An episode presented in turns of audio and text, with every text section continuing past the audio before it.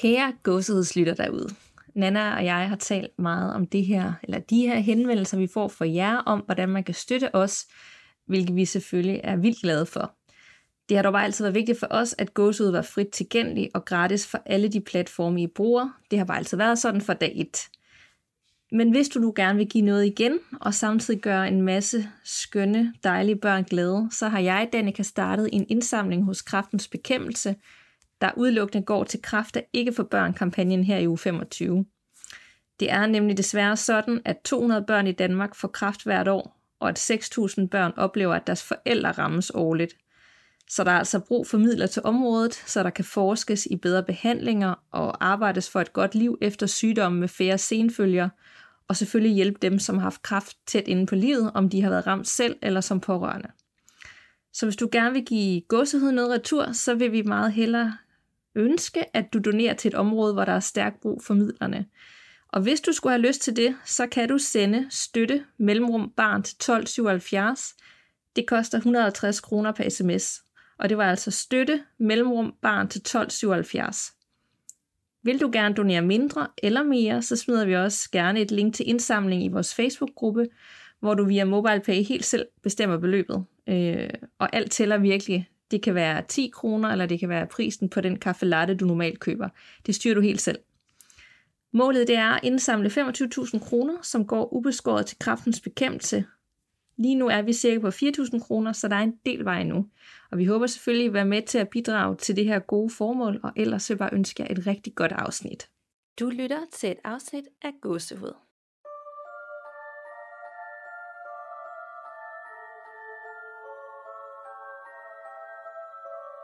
Hej Nana. Hej Danika. Og velkommen til episode, det kan være du ved det, er det 48? Det er nemlig nummer 48, ja. Det er jo helt vildt. Det er helt vildt. Og det er et lytterberetningsafsnit, så vi har fem gode, uhyggelige, lange lytterberetninger med til jer i dag. Ja, det har vi. De er virkelig, virkelig gode. Ja, og vi elsker jo den her type afsnit, hvor vi får lov at læse jeres beretninger op, fordi så er det ikke alt muligt, vi har søgt frem fra andre lande. Øhm, det, det kommer bare virkelig tæt på, når det er nogen bare, du ved, der, der lytter med, som faktisk sender det her ind til os, og vi får lov til at læse op. Præcis, og man bliver også mere revet med af det, fordi man selv bliver forskrækket og overrasket og får alle de der kuldegysninger, øh, når man læser det. Ikke? Der var især nogle, nogle af de her historier her, det er sådan, det er, det, er, det er flere forskellige historier, de skriver til os, ikke? Mm. og der er bare nogle af de her historier, der bare gemmer de vildeste chills, da jeg læste dem. Ja, og jeg har også tendens til sådan tit, når de der lytterberetninger kommer ind, det bliver sådan en aftenprojekt, hvor jeg tjekker vores mail, og så tit ja. sidder jeg klokken 10-11, helt mørkt, og t- resten af huset sover, og så, så ender jeg lige med at læse de der beretninger, der kommer ind, for jeg kan aldrig helt vente. Når der er en, så skal Nej. jeg lige se, hvad det er. ja. Så, men hvordan går det hos dig? Nu er det et par uger siden, vi optog sidst.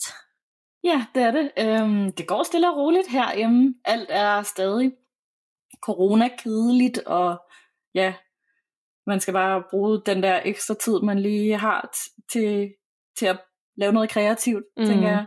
Ja, heldigvis er vejret godt. Ja, nemlig det er dejligt. Jamen altså, det, det går også godt. Jeg synes, der, det, for hver dag, der går, så bliver det sådan lidt mere, det er, jo, det er jo ikke normalt, men lidt mere som før, og du ved, efter at restauranter åbnede butikker, så er der lidt mere liv øh, i København, hvor før, så var der jo bare helt tomt. Altså, der var jo ja. ingen, ingenting. Så nu virker det øh, lidt mere back to normal. Og men jeg synes godt nok her i, i det gode vejr, der jeg, det, jeg, nogle gange er det lidt uhyggeligt, at man kan næsten ikke mærke forskel, når du ser folk sidde ved, ved stranden, eller soler sig, eller et eller andet, så virker det bare som om, at alt det her corona, det er lige glemt for en stund. Så. Præcis, ja. Det, men det er også, altså, især når man ser andre, bare, ja, lidt ignorere alle de her øh, råd, vi har fået til, hvordan vi holder afstand og alt sådan noget, så er det mm. virkelig, virkelig nemt også selv at komme til at glemme, at der rent faktisk er ja, ja. en pandemi going on, ikke? Det er bare noget andet nu, end for to måneder siden. Ja, det må man sige. Ja, og så med alt det i USA, der er fokus også bare for tiden, fordi man også følger med meget der, og, og prøver at gøre op med sig selv, øh, hvad man kan gøre herfra i et andet land, og hvad ved man egentlig om det, og ved man, har man bare sådan lidt, lidt lukket øjnene for det, eller troet, det eksisterer ikke, og så været lidt blind. Sådan nogle ting Ja. bruger jeg også meget tid på, ligesom at, at gøre op med mig selv. Ja. Ja, det gør jeg virkelig også. Det, det er helt forfærdeligt, at man ikke ligesom er kommet videre i verden. At det, det stadig virkelig er, ja. Ja, der kan man godt øh, sidde her i Danmark og tænke, eller har tænkt mange år, men det er jo noget i historiebøgerne, det er jo noget, der er sket for lang tid siden, at vi har rykket os, og så et eller andet sted, at det er jo en meget øh, ignorant øh, holdning til tingene, fordi bare fordi at man ikke selv tænker over det, eller er en del af det, så er det jo ikke ens betydende med, at det ikke eksisterer. Det var sådan Præcis. Et wake-up Det gør det i høj grad. Det er Ja. også vildt at tænke på, at det ikke er meget mere end 50 år siden, lidt over 50 år siden, at sorte fik stemmeret i USA. Ja. Så og hvis, hvis, men hvis man tror, at der ikke foregår alle de her ting her hjemme, så, øh, så kan man også lige, vi kan lige anbefale, at man øh, lytter til den podcast, der hedder A Seat at the Table, som er tre sorte danske kvinder, der, øh, der tager alle de her emner op Mm. og fortæller om, hvordan det er at være farvet i Danmark. Og den er på min liste, og det er jo ikke fordi, at vi på nogen måder er en politisk podcast, men omvendt så vil vi jo også gerne bruge øh, vores stemme, hvis vi kan være med til at, og at andre bliver mere oplyste om noget, man måske ja. ellers ikke tænker på i det dagligt. Præcis. Men det var slet ikke det, det skulle handle om. Det skulle handle om lytterberetninger, og jeg vil lige sige, det sidste afsnit, vi lavede med hjemsøgte børnehjem. Hold nu op, det er blevet taget godt imod. Ja, det er det godt nok. Det er helt vildt. Altså det, det har bare øh, virkelig fået gang i øh, Facebook-gruppen endnu mere, end det allerede er tilfældet, og Ja. folks egne beretninger fra forladte steder, hvor de har været, hvor der er sket ting, og huse ude i skoven og sådan noget. Det har været mega fedt. Det er virkelig, virkelig, virkelig fedt. Ja, så alle jer, der lytter med derude, der ikke er med i Facebook-gruppen endnu, I skal virkelig til at komme med. Det er, der sker så meget derinde, og der er gang i den hver eneste dag. Og nu går vi i gang med at læse de lytterberetninger lige om lidt, men inden da vil vi lige nævne, at man som altid kan sende sine beretninger til os på gåsødepodcast.gmail.com, og det er gåsød med to af jer, og så læser vi den op, når vi når den dertil, og vi tager det helt i rækkefølge, så de ældste bliver læst op først. Præcis. Så skal vi ikke bare hoppe ud i det, for jeg tænker, det er det, folk de venter på. Jo, det synes jeg. Og jeg lægger ud med en lytterberetning for Jette. Ja. Hej, hej Danika og Nana. Nu fik jeg endelig sat mig ned med min computer og skrevet til jer. Jeg er stor fan af jeres podcast, selvom den er fanden skræmmende. Så skræmmende, at jeg ikke hørte den, når det var mørkt udenfor, da jeg startede med at høre den. Nu hører jeg den så konstant, fordi det er så spændende. Tak. Det er sejt, at er blevet lidt mere hardcore. Ja, ja, det bliver vi også selv. Ja. Jeg har selv oplevet nogle ting, som jeg vil dele med jer, så here it comes. Jeg er hestepige og har i mange år haft en hest i en stald på en gammel gård, hvor der med garanti har været sket dødsfald. Jeg kom en aften i stallen for at putte min hest. Lyset i stallen var slukket, som det ofte var, når man kom sent, men radioen var tændt. Jeg tænkte ikke nærmere over den tændte radio. Nogen måtte jo have glemt at slukke den. Så jeg tændte lyset og ordnede min hest. Min hest stod i en boks på den lange gang, hvor man tændte lyset i starten af gangen, og radioen stod i modsat ende. Så da hesten var puttet, jeg elsker, hun siger, at man putter sin hest, det er da mega sødt. ja, det har jeg heller aldrig hørt før. Det er virkelig, virkelig sødt. Jeg Ja. forestiller mig, at det er sådan en gigantisk vugge, den så bliver lagt i med Ja, ja, med en over og dyne. sådan. så da hesten var puttet, gik jeg ned og slukkede radioen og gik tilbage og slukkede lyset. I det jeg slukkede lyset, tændte radioen igen. Jeg tændte lyset og gik ned og slukkede radioen igen, og gik tilbage til kontakten og slukkede. Igen tændte radioen. Jeg tænkte da, at det var skide irriterende, at der var en løs forbindelse i elsystemet. Jeg tændte lyset og gik ned og slukkede for radioen. Jeg gik tilbage igen og slukkede lyset. Radioen tændte ikke. Men da jeg vendte mig rundt og skulle ud af stallen, tændte radioen. Jeg tænkte, at nu skulle jeg altså ud, og så måtte radioen spille hele natten. Jeg er helt overbevist om, at der har været en, der bestemt ikke var tilfreds med, at radioen blev slukket. Og jeg er sikker på, at det var den gamle mand, jeg før havde set et ansigt af mellem to halmballer på halmloftet, men ikke tænkt nærmere over. Siden den oplevelse lød jeg altid radioen være tændt, hvis jeg var den sidste, der gik fra stallen. Næste oplevelse. Jeg flyttede fra en lejlighed ud i et gammelt hus for en del år tilbage og havde mit gamle tv med. Det virkede upåklag- upåklageligt i min gamle bolig, men kort tid efter jeg var flyttet, begyndte det at slukke og tænde af sig selv. Men kun når det allerede var tændt. Det var pisseirriterende. Jeg forsøgte alt. Jeg brugte en anden ledning, jeg brugte en anden kontakt, jeg tog batterierne ud af fjernbetjening, uden nogen ændring. Tog jeg det med hjem til mine forældre og satte det til, så drillede det aldrig. En dag, da jeg sad og så tv, slukkede det pludselig igen og tændte kort tid efter. Jeg blev så rasende, at jeg skreg i luften, at hvem det nu inden var, så skulle han ikke fuck med mit tv. Han måtte gerne se med, men han måtte ikke se det, jeg så. Det stoppede med at slukke og tænde efter det, og det har virket lige siden. Selv nu var det flyttet med til en ny bolig igen. Næste oplevelse. Min elskede mormor, som jeg havde et fantastisk forhold til, gik bort for en del år tilbage, og da boet skulle deles op, fik jeg blandt andet en glasskål med nogle røde detaljer i, og min søster fik et sæt lysestager af glas. For nogle år siden flyttede jeg ud af min nuværende bolig og begyndte at bruge skålen. En dag, da jeg skulle tømme min opvaskemaskine, tog jeg skålen op, og i det jeg gjorde det, så flækkede den midt over. Jeg blev ret øve, for den skål havde en stor værdi for mig, og jeg var virkelig glad for den. Nå, ærgerligt, men jeg kunne ikke redde den. To dage efter snakkede jeg med min søster og fortalte om oplevelsen med skålen. Min søster blev helt tavs. Hun fortalte, at to dage før var den ene af hendes glaslysestager, hun havde arvet flækket i glasset, uden at være tabt eller ramt af noget. Ej, hvor vildt. Ja. Vi er begge overvist om, at mormor var forbi os begge to for at sige hej. Nu tænker jeg tit på min mormor, når jeg tømmer min opvaskemaskine. Det var mine beretninger, og jeg håber, I kunne bruge den til noget. Tak for en rigtig god podcast. Jeg glæder mig allerede til næste afsnit. Mange hilsner fra Jette. Det var lidt øh, hmm. af det hele. Ja, det må man sige. Jeg kom sådan til at tænke på det der med historien med hesten, der skulle puttes, ikke? Ja. Øh, fordi vi har alligevel, hvis du tænker over det, haft en hel del lytterberetninger, hvor der heste på en eller anden måde er involveret. Ja. Øhm, for, I ho, øjeblik, det var en, et, det var min hund, der rystede sig, det var ikke en lydeffekt. Det var ikke en hest, nej. nej, det var ikke en, et spøgelse, der øh, øh, ringede med en kæde eller eller andet.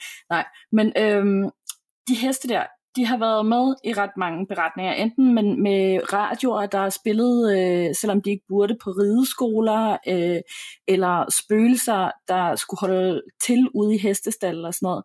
Og så kom jeg til at tænke på, at øh, dengang øh, Janni, hun øh, var inde hos os første gang og fortalte om, hvad hun lavede og sådan noget. Hun laver jo meget det her dyretelepati og klaverjance. Der fortalte hun, at øh, heste var nogle af dem, der var nemmest ligesom at øh, komme i kontakt med på den måde. Jeg ved, om det er ligesom øh, at derfor, at øh, spøgelser også godt kan lide at være sammen med heste, åbenbart. Det kan da sagtens være. Jeg kan slet ikke huske, at hun har sagt det med heste, men det giver rigtig god mening. Fordi ja. vi har også haft mange beretninger, hvor der er hørt et eller andet med en hest øh, ude på nogle brosten, eller øh, hestevogn, eller et eller andet øh, relateret ja, til det. Så når nu du siger det, så har der faktisk været enormt mange beretninger, hvor heste har været en del af det, på enten at de er levende, og der er så et spøgelse deromkring, eller døde heste, som øh, man ja. hører. Så det er meget tankevækkende. Ja, det må man sige. Og det tyder da helt klart på, at der er en eller anden, der har tænkt, jeg vil gerne øh, høre musik og hygge mig. Bare fordi du går hjem, så, øh, så skal der ikke være stille. Præcis, det skal du slet ikke blande dig i. Nej. Og jeg, jeg synes også, det... En... Ja, undskyld. Ja, det gør. Jeg synes også, øh, hvad hedder det, at det var mega sødt med det tv. Ja, det var det. Øh, at hun var så øh, glad for det, at det var med, og hun tog det med hen til sine forældre og testede. Og, altså det, der var ikke nogen, der skulle øh, ødelægge hendes øh, tv-øjeblikke. Nej.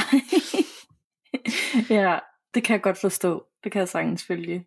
Ja, altså hvis man selv ser en, øh, en serie eller et eller andet, og det hele tiden skete, så tror jeg da også til sidst, jeg var sådan, nu stopper det altså, fordi at det er mit øjeblik det her. Det, det skal ja. du ikke ødelægge. Nej. Og afslutningsvis historien med, med mormoren og de to glasting, som søsteren og hende begge to, hvor de gik i stykker samme dag, uden de hver især vidste. Det kunne godt Det må være på. et eller andet signal, ikke? Ja, det tænker jeg også øh, på en rigtig sød måde. Eller selvfølgelig ærgerligt, at det gik i stykker, men, men omvendt, når man så bagefter taler om det sammen, så, så var der måske ikke, altså så var det et eller andet sted meget sødt, at hun viser sig på den måde igennem sine gamle ting. Ja, helt klart. Så tusind tak for den beretning, Jette. Ja. Yeah. Og du har også en? Ja, det har jeg nemlig. Jeg har en her fra øh, Melissa, som skriver, Hej gåsehud. Jeg startede for fire år siden på en efterskole. Vi havde fire huse. De var opdelt i køn, og det var forskellige, hvilke huse, der boede drenge og piger i, i de to år, jeg gik der. Men der var masser af paranormale hændelser i begge de huse, jeg boede i, og i nogle af de andre. Så dem synes jeg, I skal høre, og I skal være velkomne til at dele dem. Jeg har rigtig mange historier, I får lige en del af dem her. Husene hed noget så genialt og opfindsomt som hus 1, hus 2, hus 3 og hus 4. hus 3 og 4 var kun skilt ad af en branddør. Første år boede jeg i hus 3. Jeg boede ovenpå, og der var timer på ly- timer på øh, lyset på gangen, så hvis nogen tændte lyset, ville de forblive tændt i cirka 3 minutter, inden de slukkede af sig selv igen. Det har betydning i nogle af oplevelserne, så husk det. Jeg boede på værelse med en pige, som hed Laura. Hun var meget åben for den spirituelle verden. Den første uge kommer hun op til mig og spørger mig, hvem den ældre kvinde med det mørke krøllede hår og de store briller var. Hun fortæller, at hun har en følelse af, at kvindens navn starter med R, eller at hun i hvert fald har R i sit navn. Det skal lige siges, at alle mine bedsteforældre er døde, men jeg har intet fortalt om dem til hende på daværende tidspunkt. Jeg havde heller ikke nogen billeder af nogen af dem med. Jeg var derfor meget forskrækket, da jeg straks tænkte min farmor Ruth, da det var ligesom hende, hun beskrev. Laura fortæller så, at min farmor er stolt af mig, og at hun passer på mig. Jeg blev på min efterskole en weekend med min roomie øh, Laura, min ekskæreste og en anden veninde, der ikke boede i vores hus. Laura og jeg var de eneste i vores hus, og min eks var i hus 4. Alle dørene i Lauras og mit hus var lukket, for alle lukkede altid sine døre, når de tog hjem på weekend. Det skal siges, at det var den weekend, hvor Halloween faldt. Dagen inden Halloween er Laura og jeg ved at gå i seng. Vi lå i hver vores seng og snakkede. Vi var begge to i et stadie, hvor vi var halvt vågne og halvt faldet søvn, da vi pludselig kan se under døren, når lyset på gangen blev tændt og slukket, og tændt og slukket. Husk på her, at der var timer på det. Da det stopper, går der cirka 5 minutter, og så hører vi fodtrin op og ned ad gangen. Vi var begge skide bange og helt stille. Helt ud af det blå bliver alle de andre døre på vores gang smækket i på samme tid. Jeg hører, at jeg får en besked på min telefon og ser så, at klokken er tre. Beskeden er fra min eks, der spørger om, hvad Laura og jeg laver, og siger, at vi skal være stille, fordi han prøver at sove. Ja tak, det prøvede vi jo ligesom os. En anden weekend var jeg den eneste pige på skolen, og jeg kunne tydeligt høre drengene spille høj musik inde i hus 4. Jeg havde snakket med Laura og fortalt hende, hvor meget de larmede, og hun bad mig om at sende hende en video. Det tænker jeg, at jeg selvfølgelig godt kan. Da jeg kommer ud på gangen, blinker lyset igen, og det har jeg endda på video. Man kan også se lyset på badeværelset tænder og slukker. På mit andet år starter jeg med at have en roomie, der hedder Clara. Derefter kommer der to andre piger ind på mit værelse, Sara og Isabella. Isabella starter dog en måned efter os andre, og Clara flytter ud. Her boede jeg så i hus 1, hvor der ikke var nogen overetage. Vi boede ni piger i huset. En af de første dage på andet år sidder jeg og laver lektier. Vi er måske tre piger i huset på det tidspunkt, og så kommer en af pigerne, der hedder Maria, ind på mit værelse og ser helt forvirret ud. Hun spørger mig, om jeg lige har været ude på gangen og inde i rengøringsrummet, og det siger jeg jo så nej til. Hun fortæller så, at hun ellers lige har set en pige, der lignede mig på en prik, men nu var hun væk. Men det tænkte vi faktisk ikke mere over. Jeg boede kun sammen med Clara i to uger, for vi kunne slet ikke sammen. Så jeg fik lov til en aften at sove op hos min veninde Louise. Vi sidder og snakker sammen på den seng, jeg skal sove i. Men pludselig skriger vi begge to og kigger på hinanden med det samme. Vi spørger hinanden om, hvorfor den anden skriger, og vi fortæller så nærmest samtidig, at vi begge to mærkede noget, der tog fat i vores ankler. Isabella startede en måned efter, og vi viste hende rundt på skolen. Vi går hen til det hus, hvor lærerne holdt pause, og ud af det blå siger Isabella, jeg kan ikke lide at være her. Den onde mand vil ikke herres her. Det synes vi selvfølgelig alle sammen var meget mærkeligt at sige. Senere den dag er nogle af pigerne inde hos Sara, Isabella og mig, og pludselig begynder Isabella at sidde og tone ind og ud af bevidsthed. Og så skriger hun lige pludselig, jeg vil have ham ud, hjælp mig, gå ud. Hendes øjne er rullet tilbage i hendes hoved. Det var meget overvældende for mig, så jeg vælger at gå udenfor, og de andre piger snakker med hende og prøver at berolige hende. De spørger, hvem det var, der var i hende, men hun svarer ikke. Hun skreg dem bare ind i hovedet. Efter en halv times tid kommer en af pigerne ud og siger, at Isabella er okay igen. Hun fortæller, at det ikke var første gang, det var sket for hende, men hun fortalte os ikke mere end det. En dag var jeg i bad, som man jo nu engang er, og så hører jeg døren til badeværelset åbne.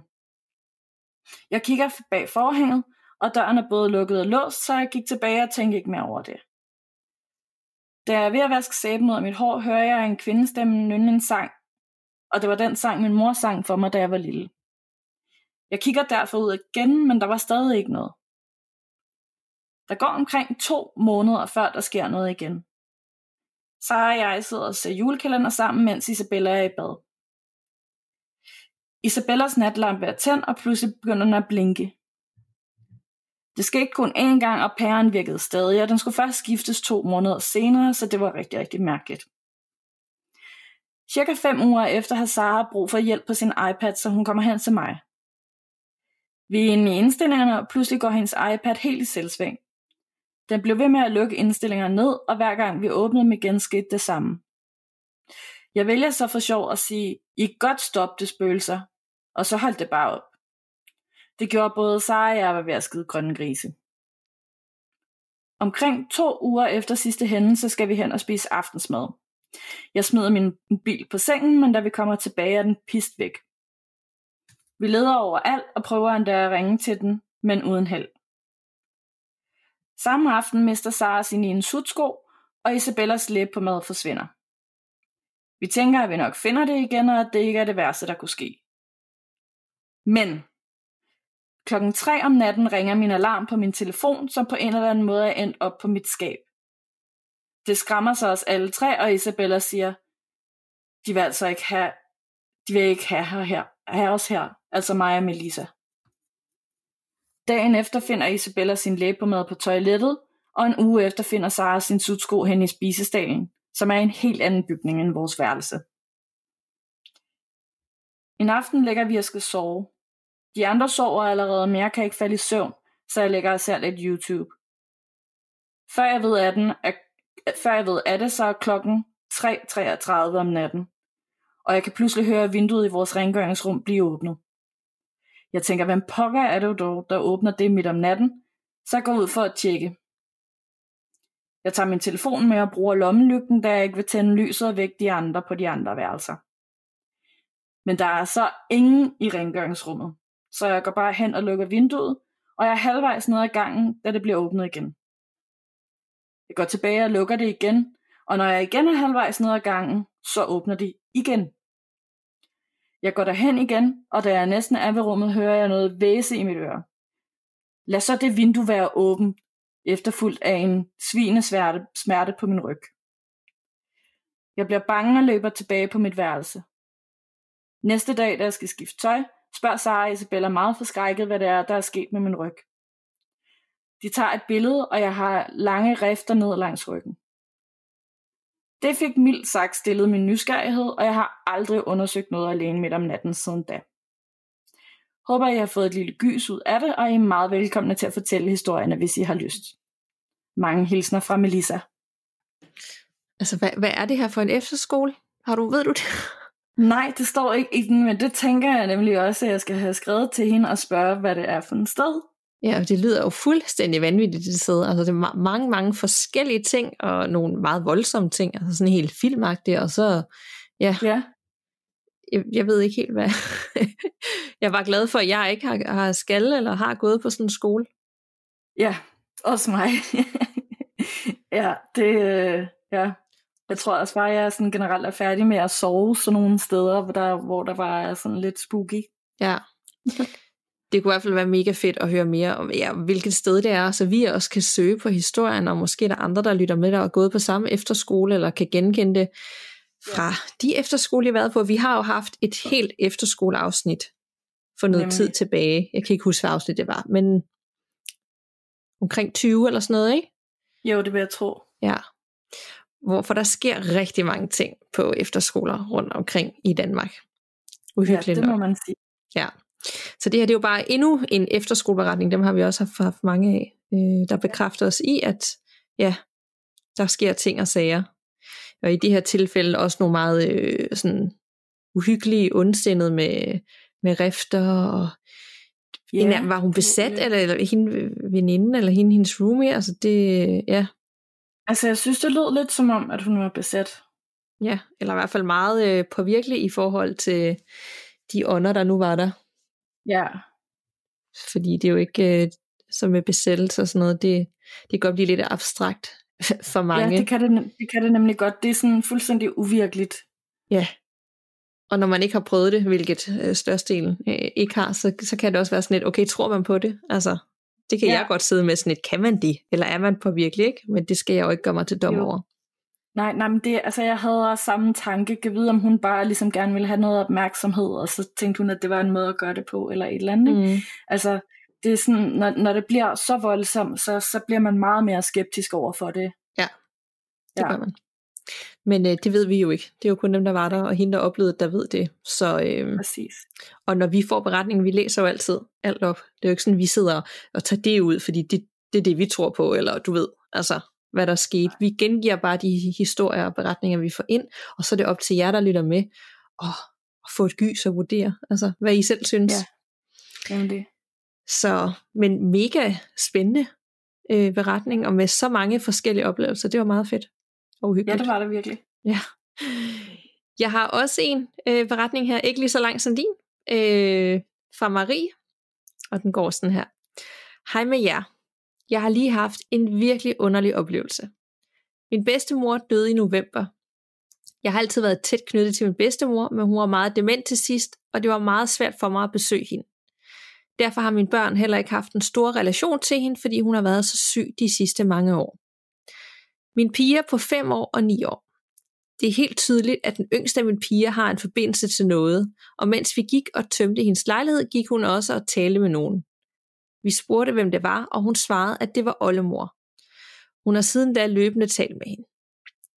Jeg har også følt hendes tilstedeværelse og lugtet røg efterfølgende, men jeg har ikke lagt det store i det, før i dag. Eller det startede egentlig i går. Da min bedstemor døde, begyndte jeg nemlig at løbe hver dag, og det betyder, at jeg nu har løbet 118 dage i streg. Det er ret vildt. I går, da jeg var ude at løbe, landede der en rovfugl lige foran mig, som i under en meter foran mine fødder. Jeg blev mega forskrækket, men den fløj hurtigt væk igen, og jeg rystede det af mig og løb videre. I dag løb jeg så igen en anden rute. En rovfugl lander på et rækværk langs med stien under en meter fra mig. Da den kommer tættere på, letter den og følger mig. Jeg bliver bange, og jeg stopper så, hvor den så lander på rækværket og bare sidder og kigger på mig. Mit hjerte er helt oppe i min hals. I det øjeblik føler jeg en stærk tilstedeværelse, og jeg er ikke i tvivl om, det er min bedstemor. Jeg siger højt, at jeg bliver bange, og fuglen letter og lander i et træ lidt væk. Jeg løber videre og er fuldstændig ude af den. Jeg tuder, og jeg er helt rystet. Det var simpelthen så vildt. Da jeg henter min yngste datter i børnehaven en time senere, siger hun så, at oldemor er taget afsted, for oldefar manglede hende. No. Det er simpelthen for spooky. Jeg tror, det var et sidste farvel. Ja. Måske det hører med til historien, at jeg arbejder med dyr til daglig, og det var en af de ting, mig og min bedstemor havde et fællesskab omkring. Med venlig hilsen, Marie. Ej, en mega, mega fin historie, Helt altså. Vildt. Det tror jeg bestemt også. Det er virkelig sjældent, altså, at, at at man ser rovfugle så tæt på, ikke? Altså. Ja, og så flere gange, både to dage i streg, men også flere gange på samme løbetur, og den følger hende. Ja, ja. Øhm, Nå. Og hun siger jo så også, det gør faktisk bange det her, og så flyver den lidt væk. Så øh, ja. der er også en eller anden kommunikation øh, imellem. Så det der er mega øh, smukt. Og det god. synes jeg virkelig også, det er. Og, øh, og også ret øh, vildt, at hendes yngste datter ligesom bringer det op, inden hun overhovedet selv har fortalt, hvad der er sket. Ikke? At nu er oldemor her ikke længere, hun, oldefar har manglet hende, så nu, nu er hun væk. Ja. Ja, utrolig fin øh, det historie. nok sige. Og vildt nok at løbe, og have løbet 118 dage streg, ikke? siden hun døde, og som om det har bare været hendes frirum. Det. Ja. At komme væk fra, øh, fra sorgen, og ligesom bearbejde ja. det på den måde. Virkelig sund måde at gøre det på, må ja. man sige. Ja. Det er det. Ja. Ja.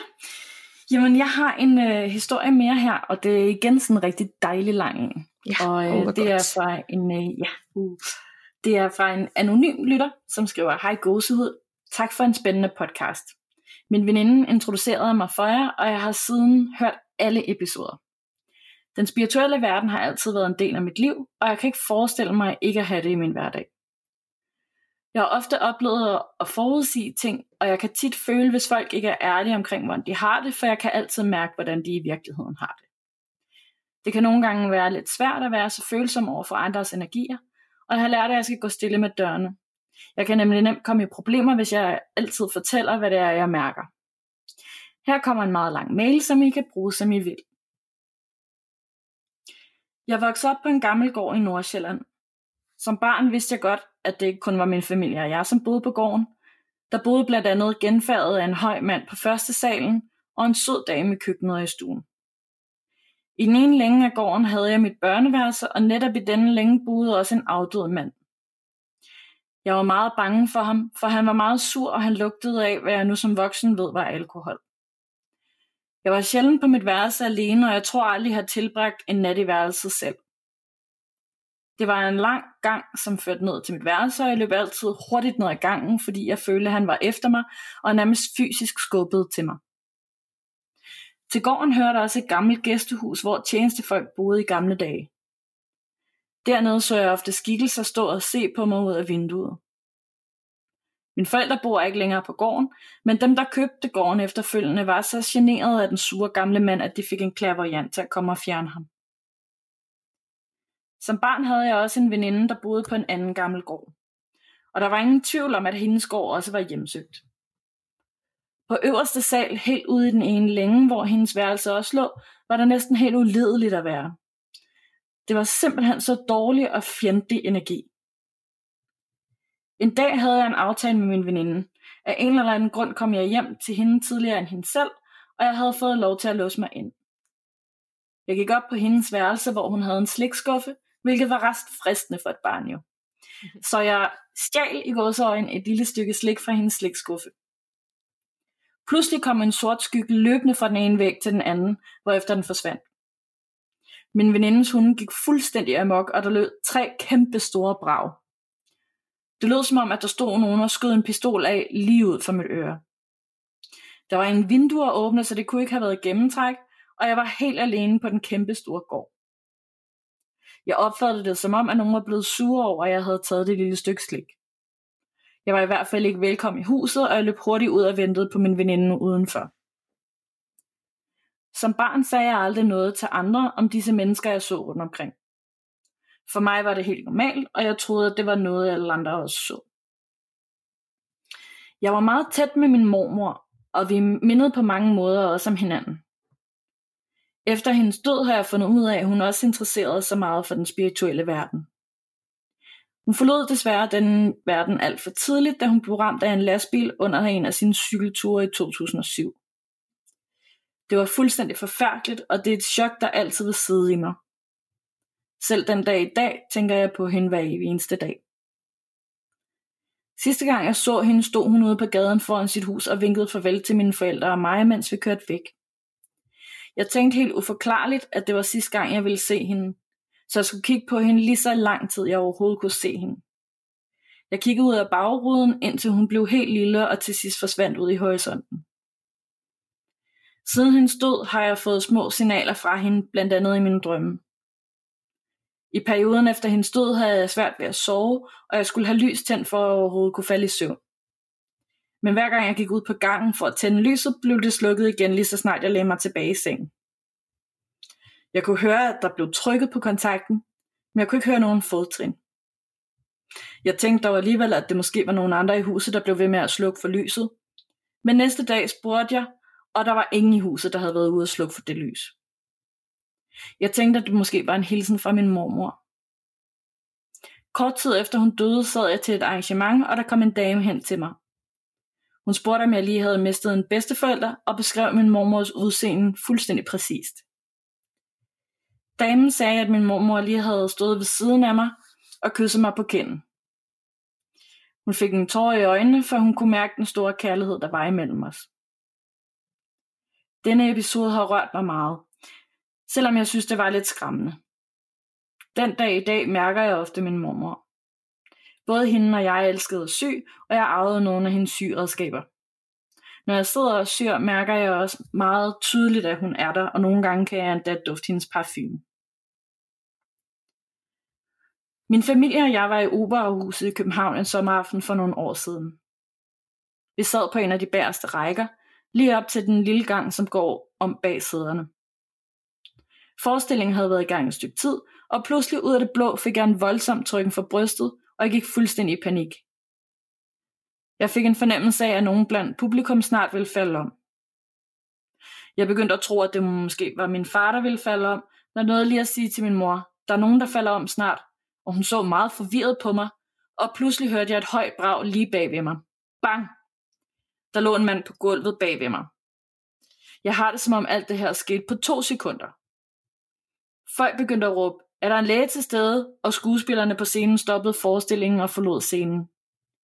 Min mor stirrede endnu mere forvirret på mig end før, og jeg kunne ikke engang forklare hende, hvad det var, der lige var sket. Der var nogle mennesker, der forsøgte sig med førstehjælp, og manden blev hurtigt hentet af ambulancefolk. Jeg ved desværre ikke, hvad der senere skete med ham. Min familie har en ødegård i Sverige. I området, hvor gården ligger, lå der i 1800-tallet en landsby.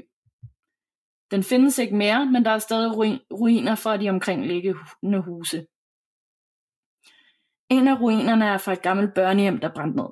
Børnehjem igen. Børnehjem, ja. Ja. Da mine forældre købte gården, fulgte der et gammelt fotoalbum med. Et af billederne er en slags klassebillede for børnehjemmet, der ligner noget fra en gyserfilm. Der er ingen tvivl om, at der er meget åndelig aktivitet i og omkring ødegården. Jeg har altid følt mig overvåget af noget udefinerbart og følt tilstedeværelsen af nogen. Selv ved højlys dag bryder jeg mig ikke om at være alene i huset. Netop derfor har jeg aldrig haft lyst til at sove alene, når jeg har været deroppe. En sommer for nogle år siden var jeg nogle dage deroppe med mine venner. Jeg skulle sove sammen med min ven, men kunne ikke falde i søvn. Jeg blev nemlig ved med at se silhuetten af en mand, der sad henne i en stol i hjørnet i værelset. Og jeg så ham ikke bare, jeg kunne også mærke ham. Det var igen den her fornemmelse af at føle sig overvåget. Jeg kunne ikke lukke mine øjne. Jeg lå bare hele natten og stirrede over på stolen i hjørnet. Jeg kunne ikke finde ud af, om det var mig, der så syner, eller om det var skygger, der blev forvrænget i mørket, eller hvad det var. Men da klokken blev et sted mellem 3 og 4 om natten, satte min ven sig meget pludselig op i sengen. Han havde ellers sovet tung hele natten. Hej, sagde han ud i rummet. Og jeg spurgte, hvem snakker du til? Der sidder en mand over i stolen, sagde min ven og pegede over på den stol i hjørnet, som jeg havde ligget og stirret på hele natten. Vi tændte lyset, men der var ikke noget. Nå, så var det ikke noget, sagde min ven bare og lagde sig til at sove igen. Mega tavligt. Jeg sov slet ikke resten af den nat, men manden var væk fra stolen, da vi igen slukkede lyset. Jeg bor i en gammel lejlighed i København, og her sker der også rigtig mange underlige ting. Det startede hurtigt efter vi flyttede ind. Køkkenskabene åbner af sig selv, hjemhætten starter af sig selv, og lyset tænder af sig selv. Nogle gange kan jeg høre nøgler i opgangen og se døren blive åbnet, men der er ingen mennesker. Min mor, som er yogalærer, har en elev, der arbejder på, som klærvariant på sit hold. Vi fik hende ind for at se nærmere på lejligheden. Og der må lige indskyde, at min mor hentede hende og kørte hende ind til min lejlighed, så hun vidste altså ikke, hvor hun skulle hen, og kunne derfor heller ikke undersøge, hvem der tidligere havde boet i min lejlighed. Klaverianten fortalte, at vi har ånden af en gammel fin dame boende i lejligheden. Hun havde boet her i mange år, og derfor var hendes energiaftryk meget, meget stærkt i lejligheden. Min far, som er meget skeptisk over for alt, hvad der er paranormalt, undersøgte alle de informationer, som klaverianten havde givet os og alt passede. Vi valgte at beholde vores gamle dame hos os, eftersom hun er sød og bringer god energi. Men nogle gange driller hun. For nogle uger siden, da min ekskæreste og jeg skulle til at sove, blev en billedramme trukket lidt ud for væggen, hvorefter den faldt tilbage ind mod væggen. Vi så det begge to, og der er ingen logisk forklaring på det. Og så sent som i går nat skete der noget andet creepy. Jeg vågnede ved halv tre tiden, fordi jeg følte, at der stod nogen inde i soveværelset. Da jeg kiggede over mod døren, stod der to meget unge kvinder og kiggede på mig. Okay. Jeg ved ikke, om det, det har været min telefon, der ringer her. Du kan ikke høre det, vel? Ja, okay. To sekunder. ja. Sådan der. Oh, okay. Yes. Det klipper jeg bare ud, så du starter bare lige ind. Jeg vidste ikke, om det kom med i optagelsen. Det var mega højt her, for det gik igennem computeren. Jamen, jeg kunne også godt høre et eller andet der. Ja. Super. Ja. Øh, jeg vågnede ved halv tre tiden, fordi jeg følte, at der stod nogen inde i soveværelset. Da jeg kiggede over mod døren, stod der to meget unge kvinder og kiggede på mig. Jeg ved ikke, om det var søvnparalyse, for jeg døsede hurtigt hen igen. Meget mærkeligt, at jeg blev mere bange over, at jeg ikke blev mere bange over at se to fremme i mit soveværelse midt om natten. Det blev en lang mail, og jeg har endda forsøgt at sortere lidt i det. Nogle gange har jeg tænkt, om det måske er mig, der er ved at blive lidt skør i hovedet, men jeg lover, at jeg har skrevet, at alt jeg har skrevet faktisk er sket. Hilsen en anonym godsudsfan. Wow. Ja. Alle de oplevelser og virkelig nogle evner, hun har. Altså der øh, må man sige med det tredje øje, det må være ja. totalt åben for alt det, vi andre ikke rigtig ser til dagligt. Præcis. Det er jo helt vildt. Tænker hun endda, altså bare som barn, har, har, altså det har været så normalt for hende, at hun har tænkt, at det der, det ser alle der. Ja, ja. Det er jo ikke, det er der jo ikke noget unormalt i. Nej. Og også det der med, at hun oplevede i operahuset, at, øh, at hun vidste noget vil ske, inden det skete. Altså hun får sådan nogle også, ikke? Nogle premonitions. Det er ret vildt. Ja, det er det. Ja.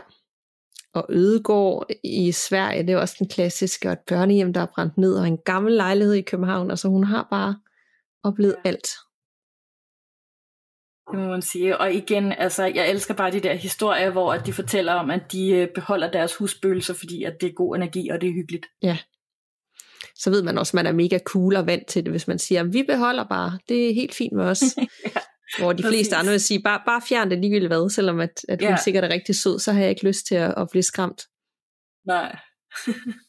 og også mormoren, øh, var det mormoren, hun havde mistet, ja. der sådan, var ved hendes side, og, og stadigvæk kyssede hende på kinden, og, og viste kærlighed, og, og var der hos hende. Altså, det var da enormt smukt.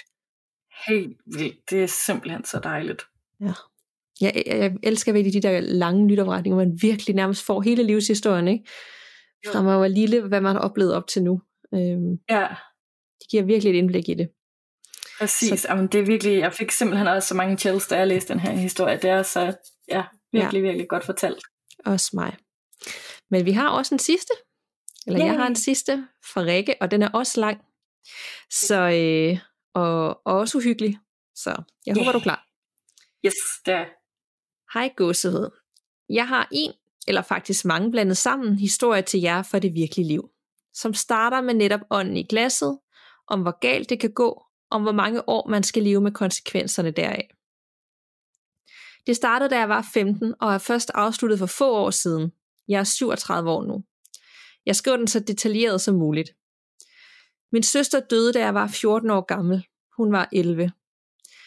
Det medfører en helt naturlig sorg, hvor man vil gøre alt for at få et tegn eller en hilsen for den, som er gået bort. Min mor var naturligvis knust og forsøgte desperat at holde fast i alt, der mindede om min søster. En dag er jeg hos en veninde, lidt ældre end mig selv, som fortæller om ånden i glasset. Det lyder virkelig interessant, og min nysgerrighed er vagt. Faktisk så meget, at jeg fortæller min mor om det, som spørger, om ikke veninden kunne have lyst til at komme hjem til os og spille med os, så vi kan prøve at få kontakt til min søster. Ej, det er en vild mor, der bare... Øh, ja, ja, jeg tænker bare, hun har haft sådan, sådan et behov for ligesom at... Det er en kæmpe sorg, ja. ja. Og det gør hun. Vi laver cirklen, tænder lyset og så videre, men laver en rookie mistake. Vi laver nemlig ingen farvel-knap. Nå, vi fik startet op, og der er ingen respons i starten, og vi jokede. Pludselig begynder glasset at bevæge sig, og vi stiller spørgsmål. Vi har til sydenladende fået fat i både min afdøde farfar og min afdøde onkel. Da svarene pludselig stoppede med at give mening, spurgte vi, hvem der var til stede, og den svarede, uden pis, L-U-C-I-F-E. Da den nåede til E, havde jeg gennemskuddet, hvad vi havde fat i. Og jeg gør, uvidende som jeg er, det man aldrig må gøre. Jeg vælter glasset. Åh oh, Gud. Jeg var så bange, og min veninde sad bare stirret i luften og siger lige så tørt, du har lige lukket djævlen selv ind i dit hus. Og det skal jeg da lige love for. Det startede meget kort efter med en almindelig poltergeist-aktivitet. Køkkenskab, der stod på hvid gav, når vi kom hjem. Fjernsyn, der tændte selv. Lys, der gik amok. En printer, der stod på loftet uden strøm, startede. Lyden af fodtrin, op og ned ad trapper. Det var så ulækkert. Det skal siges, at jeg boede med min mor og søster på to år, så der var kun os tre. En dag, jeg havde en veninde til overnatning, havde vi meget svært ved at falde i søvn. Jeg havde været i kælderen, og vi kunne høre en lyd, som om det var en hoppebold, der blev smidt i gulvet hen over os. Så vi gik op. Min mor sad allerede i stuen og kunne heller ikke sove. Vi forsøgte at lidt stemning med lidt fjernsyn og snak. Indtil der med et blev iskold i rummet. Jeg gætter på, at temperaturen faldt med 10 grader på et splitsekund, og så startede showet. Lyset gik, hoppeboldlyden gik amok, fjernsynet tændte med den mindst sindssyge lyd, jeg nogensinde har hørt. Alle køkkenlåger blev smækket op og i, og når vi var i bad, blev der pludselig skruet op for det varme vand, så det blev skoldende varmt. Vi var paniske. Det var som at være i en ond amerikansk poltergeist-film. Min søster lå på første sal og sov, og hende skulle vi have ned, for vi ville ud nu. Og vi turde ikke være i huset et sekund mere. Da vi alle tre kommer op på første salen efter hende, sidder hun op i sin seng og griner og peger på manden, siger hun. Fuck. Ej, Min mor, fl- ja. Min mor flåede hende op af sengen, greb hendes dyne og en pussetaske, og så flygtede vi. Da vi bakker ud for indkørslen, står der en mand i vinduet på første sal og vinker til os. Alt lys er tændt, og alle patienter er trukket op. Vi kører rundt hele natten, for vi tør ikke tage hjem. Men da vi endelig kører forbi igen ved daggry, er huset slukket. Alt lys er slukket, patienterne er trukket for. Vi får våget os ind, alt er fredeligt, skulderen sænker sig, og vi får sovet. De efterfølgende dage er der underligt roligt og stille, som stillhed før stormen. Lige indtil min søster igen peger på manden, så er vi i gang igen. Han fulgte os over alt, også i bilen. Det knækker for mig, da hun en dag kigger på mig og siger, manden ligner dig. I dagen, der går, bliver jeg mere og mere forandret på en måde. Jeg bliver meget aggressiv, tangerende til det voldelige, hvilket bestemt ikke er min personlighed. Min mor har i mellemtiden fået på nærmest mirakuløs vis fat i tre søstre, som er klaverjante og har styr på deres shit. De behøver ikke engang vores adresse, for de kan ganske enkelt fornemme vibrationerne på forhånd og ved, hvor de skal hen. Okay, wow. Da de kommer ind ad døren, kigger de bare på os og siger, så tror der pokker, I var så opsatte på, at vi kom så hurtigt. Vi havde lukket alt ind. Alt. Og de snyldede på os, trak vores energi og forsøgte at spille os ud mod hinanden. Der sad en på ryggen af mig og var godt i gang med at fide på min angst og aggression. Manden, som har vist sig for min søster, viste sig at være en beskytter, som har prøvet at gøre opmærksom på sig selv, så vi kunne søge hjælp. De tre absolut fantastiske, dygtige søstre får renset huset ud. Det tog mange timer, og derefter fik vi alle en healing, og i det øjeblik, der åbnede mit tredje øje. Det har så fulgt mig siden, at jeg kan se og høre den åndelige verden, og den åndelige verden har ikke holdt sig tilbage. Jeg har siden den dag boet på en banegård, uanset i hvilket hus lejlighed jeg boede i. Men så længe de ikke er onde, har det været okay. Det ændrede sig, da jeg i 2008 en aften var på vej hjem fra job, en mørk efterårsaften ved 20-tiden. En mærkelig tilfældighed gjorde, at jeg valgte en anden vej hjem end normalt. Jeg ser en bil ligge med snuden i grøften i modsatte vejbane, og en kvinde, der forsøger at kravle op. Så jeg stopper bilen, løber derhen og ringer 112. Kvinden er faldet ned i grøften igen. Hun er desorienteret og bliver ved med at råbe, jeg bliver kvalt. Jeg forsøger at få hende ned at ligge, så jeg kan holde hende op af grøften, og det er koldt og regner, og hun råber stadigvæk. Jeg forsøger at berolige hende og til at trække vejret stille og roligt. En ældre herre kommer til og hjælper med at holde hende op. Jeg sidder og tænker, at det tager enormt lang tid for den skide ambulance, men jeg sidder samtidig og smalltalker med manden, da det slår mig, at hun er blevet meget stille. Jeg leder efter hendes puls, klapper hende i ansigtet og smerte påvirker så godt jeg kan med min frie hånd. Ingen reaktion. Jeg kigger på manden og siger, jeg tror hun er død. I det rejser han sig op og går. Jeg ved ikke, om han panikker, men han kører sin vej. To sekunder efter ja, kommer politiet heldigvis og ambulancen. Jeg får stukket en lommelygt og en droppose i hånden, og så går de i gang med førstehjælp. Jeg bliver derefter afhørt og kører hjem. Total rystet, bange, kold, våd og smurt ind i blod og hjernemasse. Det finder jeg først ud, da jeg kører ind på en tank for at vaske fingre. Hun døde i min arm. Men det var ikke det sidste, jeg så til hende. Hver nat derefter, klokken to cirka, gik soveværelsesdøren op, og ind kom hun, kravlende våd, som taget ud af The Ring. Hun kravlede langsomt hen imod vores seng, og hver gang hun nåede fodender ved tage fat og skrige, så forsvandt hun. Det stod på nat efter nat efter nat. Min mand så selvfølgelig intet. Men min lille søn på to blev mere og mere urolig. En dag, da han er på puslebordet, peger han og siger, drengen er grim, jeg vil ikke kigge på ham. Der måtte jeg lige synke en gang. Jeg vidste udmærket godt, hvad klokken havde slået igen. Jeg fornemmede den godt, og jeg vidste, der var en hel del børn iblandt. Det var dem, der skubbede til døren eller rullede toiletpapiret af rullen, åbnede køleskabet osv. De var okay at have i huset. Jeg fik endnu en klaviant ud. Hun rensede mit hus og fortalte, at der boede afskillige knap så rare ting i mit hus, og drengen min søn havde set var blevet mishandlet i sit liv, så ene, hans ene side af hovedet var ødelagt. Der var en lille dreng, som sad i fodenden i min søns trammeseng. Derfor sov han aldrig ret meget. Han blev vækket konstant. En ældre, fordrukken og meget vred, mand stod ved min seng også og slugte min energi. Det var et helvede at være i min krop, fordi jeg var så træt helt ind til knoglerne. Men det var hende, der døde min arm, der lukkede op for alt det dårlige. Jeg begyndte derefter selv at uddanne mig for at kunne passe på mig selv og min familie. Jeg havde ikke lige tænkt over, at så kommer de nærmest til at stå i kø for at snakke med dig. Og jeg begynder at forstå, hvordan den verden virkede og kunne bruge den. Men den dag en ånd valgte at overtage min krop, mens jeg kørte bil og talte med min mor, så sluttede festen. En veninde, som også er healer, clairvoyant, spirituel, lukkede ned for kommunikationen med den anden side. Jeg kunne simpelthen ikke kapere mere. Mit hoved var en banegård, og det var blevet en form for besættelse for mig. Alt handlede om ånder. Indtil den dag, hvor hun slukkede på hovedafbryderen. Siden den dag har der været ro. Så please, lad være med at lege ånden i glasset eller andre spil. Konsekvenserne kan være uoverskuelige. Hilsner fra Rikke. Altså hold nu kæft, altså, det lød jo ikke bare som en gyserfilm, det lød seriøst som tre sindssyge gyserfilm, det der. Ja.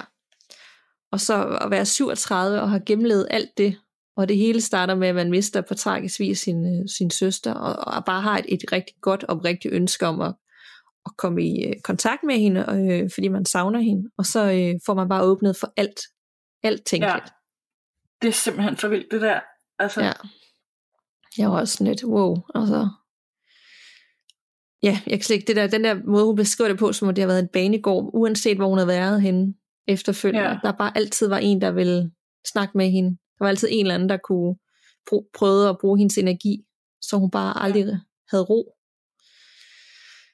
Og at, øh, at ja, ja, hele selve øh, bilulykken, hvor hun skulle hjælpe hende, øh, damen. Altså det var da fuldstændig... Det er simpelthen så ulækkert, ja. Ja, det var virkelig, øh, ej, der fik jeg virkelig kuldegys, når jeg læste om det. Også ham manden, der kom forbi, var han også en ånd, der ligesom var ja. der i det, og så forsvandt han bare, eller var det en, der gik i panik, og så bare... Bare forsvandt, ja, og begge dele er nærmest lige uhyggelige, altså. Totalt. Så det var godt nok en, øh, en voldsom en at slutte af på, men jeg synes også, der var, altså hun slutter også af med at sige, lad være med at lege de spil, øh, også selvom det kommer fra et godt sted, og du gerne vil i kontakt med nogen, du, øh, du savner. Du ja. ved, fordi man ved aldrig, hvad man øh, får åbnet op for. Præcis. Virkelig lade være. Altså, jeg har også, da jeg var, da jeg var yngre, der kunne jeg vildt godt tænke mig et Ouija board. Et rigtigt, sådan, ligesom fra de amerikanske gyserfilm og sådan noget, men men ikke nu. Hold nu kæft, hvor er jeg glad for, at jeg aldrig købte et, og jeg skal aldrig have et. Nej. Nej. Det var, øh, ja, og godt hun fik lukket ned, ikke? Altså, at man, man har muligheden for at sige, ved du, nu kan jeg simpelthen ikke kapere mere. Der skal bare lukkes helt af, for det går også ud af min familie og mit barn. Altså, det duer simpelthen ikke. Nej. Så det er en mulighed, hvis man oplever helt vildt meget derude, og det bare fylder døgnet rundt, at så kan man få hjælp til ligesom at, at lukke af. Ja. Så ja, så kom vi lige igennem fem forholdsvis lange lytterberetninger om alt muligt, men alligevel nogle ting, der gik igen. Der var meget lys, der blev slukket, og køkkenskab, der blev åbnet i, den her, ja, det må i de her sige. fem. Så, øh, så ja. Ja, det var godt nok en vild omgang. ja, men jeg ved slet ikke, hvordan vi skal, skal sige, Nej, nå okay, så må du have en god dag. God dag. Præcis. Det er sådan egentlig, man lige skal sidde og sunde sig over bagefter, ikke? Ja, det kunne være fedt, ja. hvis øh, jer, der lytter med derude, gik ind i, øh, i Facebook-gruppen. Ja. Og ligesom skrev, hvad I synes om det, eller hvis I oplevede noget lignende, eller et eller andet. Kom med jeres. Fordi vi, vi sidder og snakker om hver især de her lytterberetninger, men øh, det kunne jo godt være, der er noget, vi slet ikke havde tænkt på.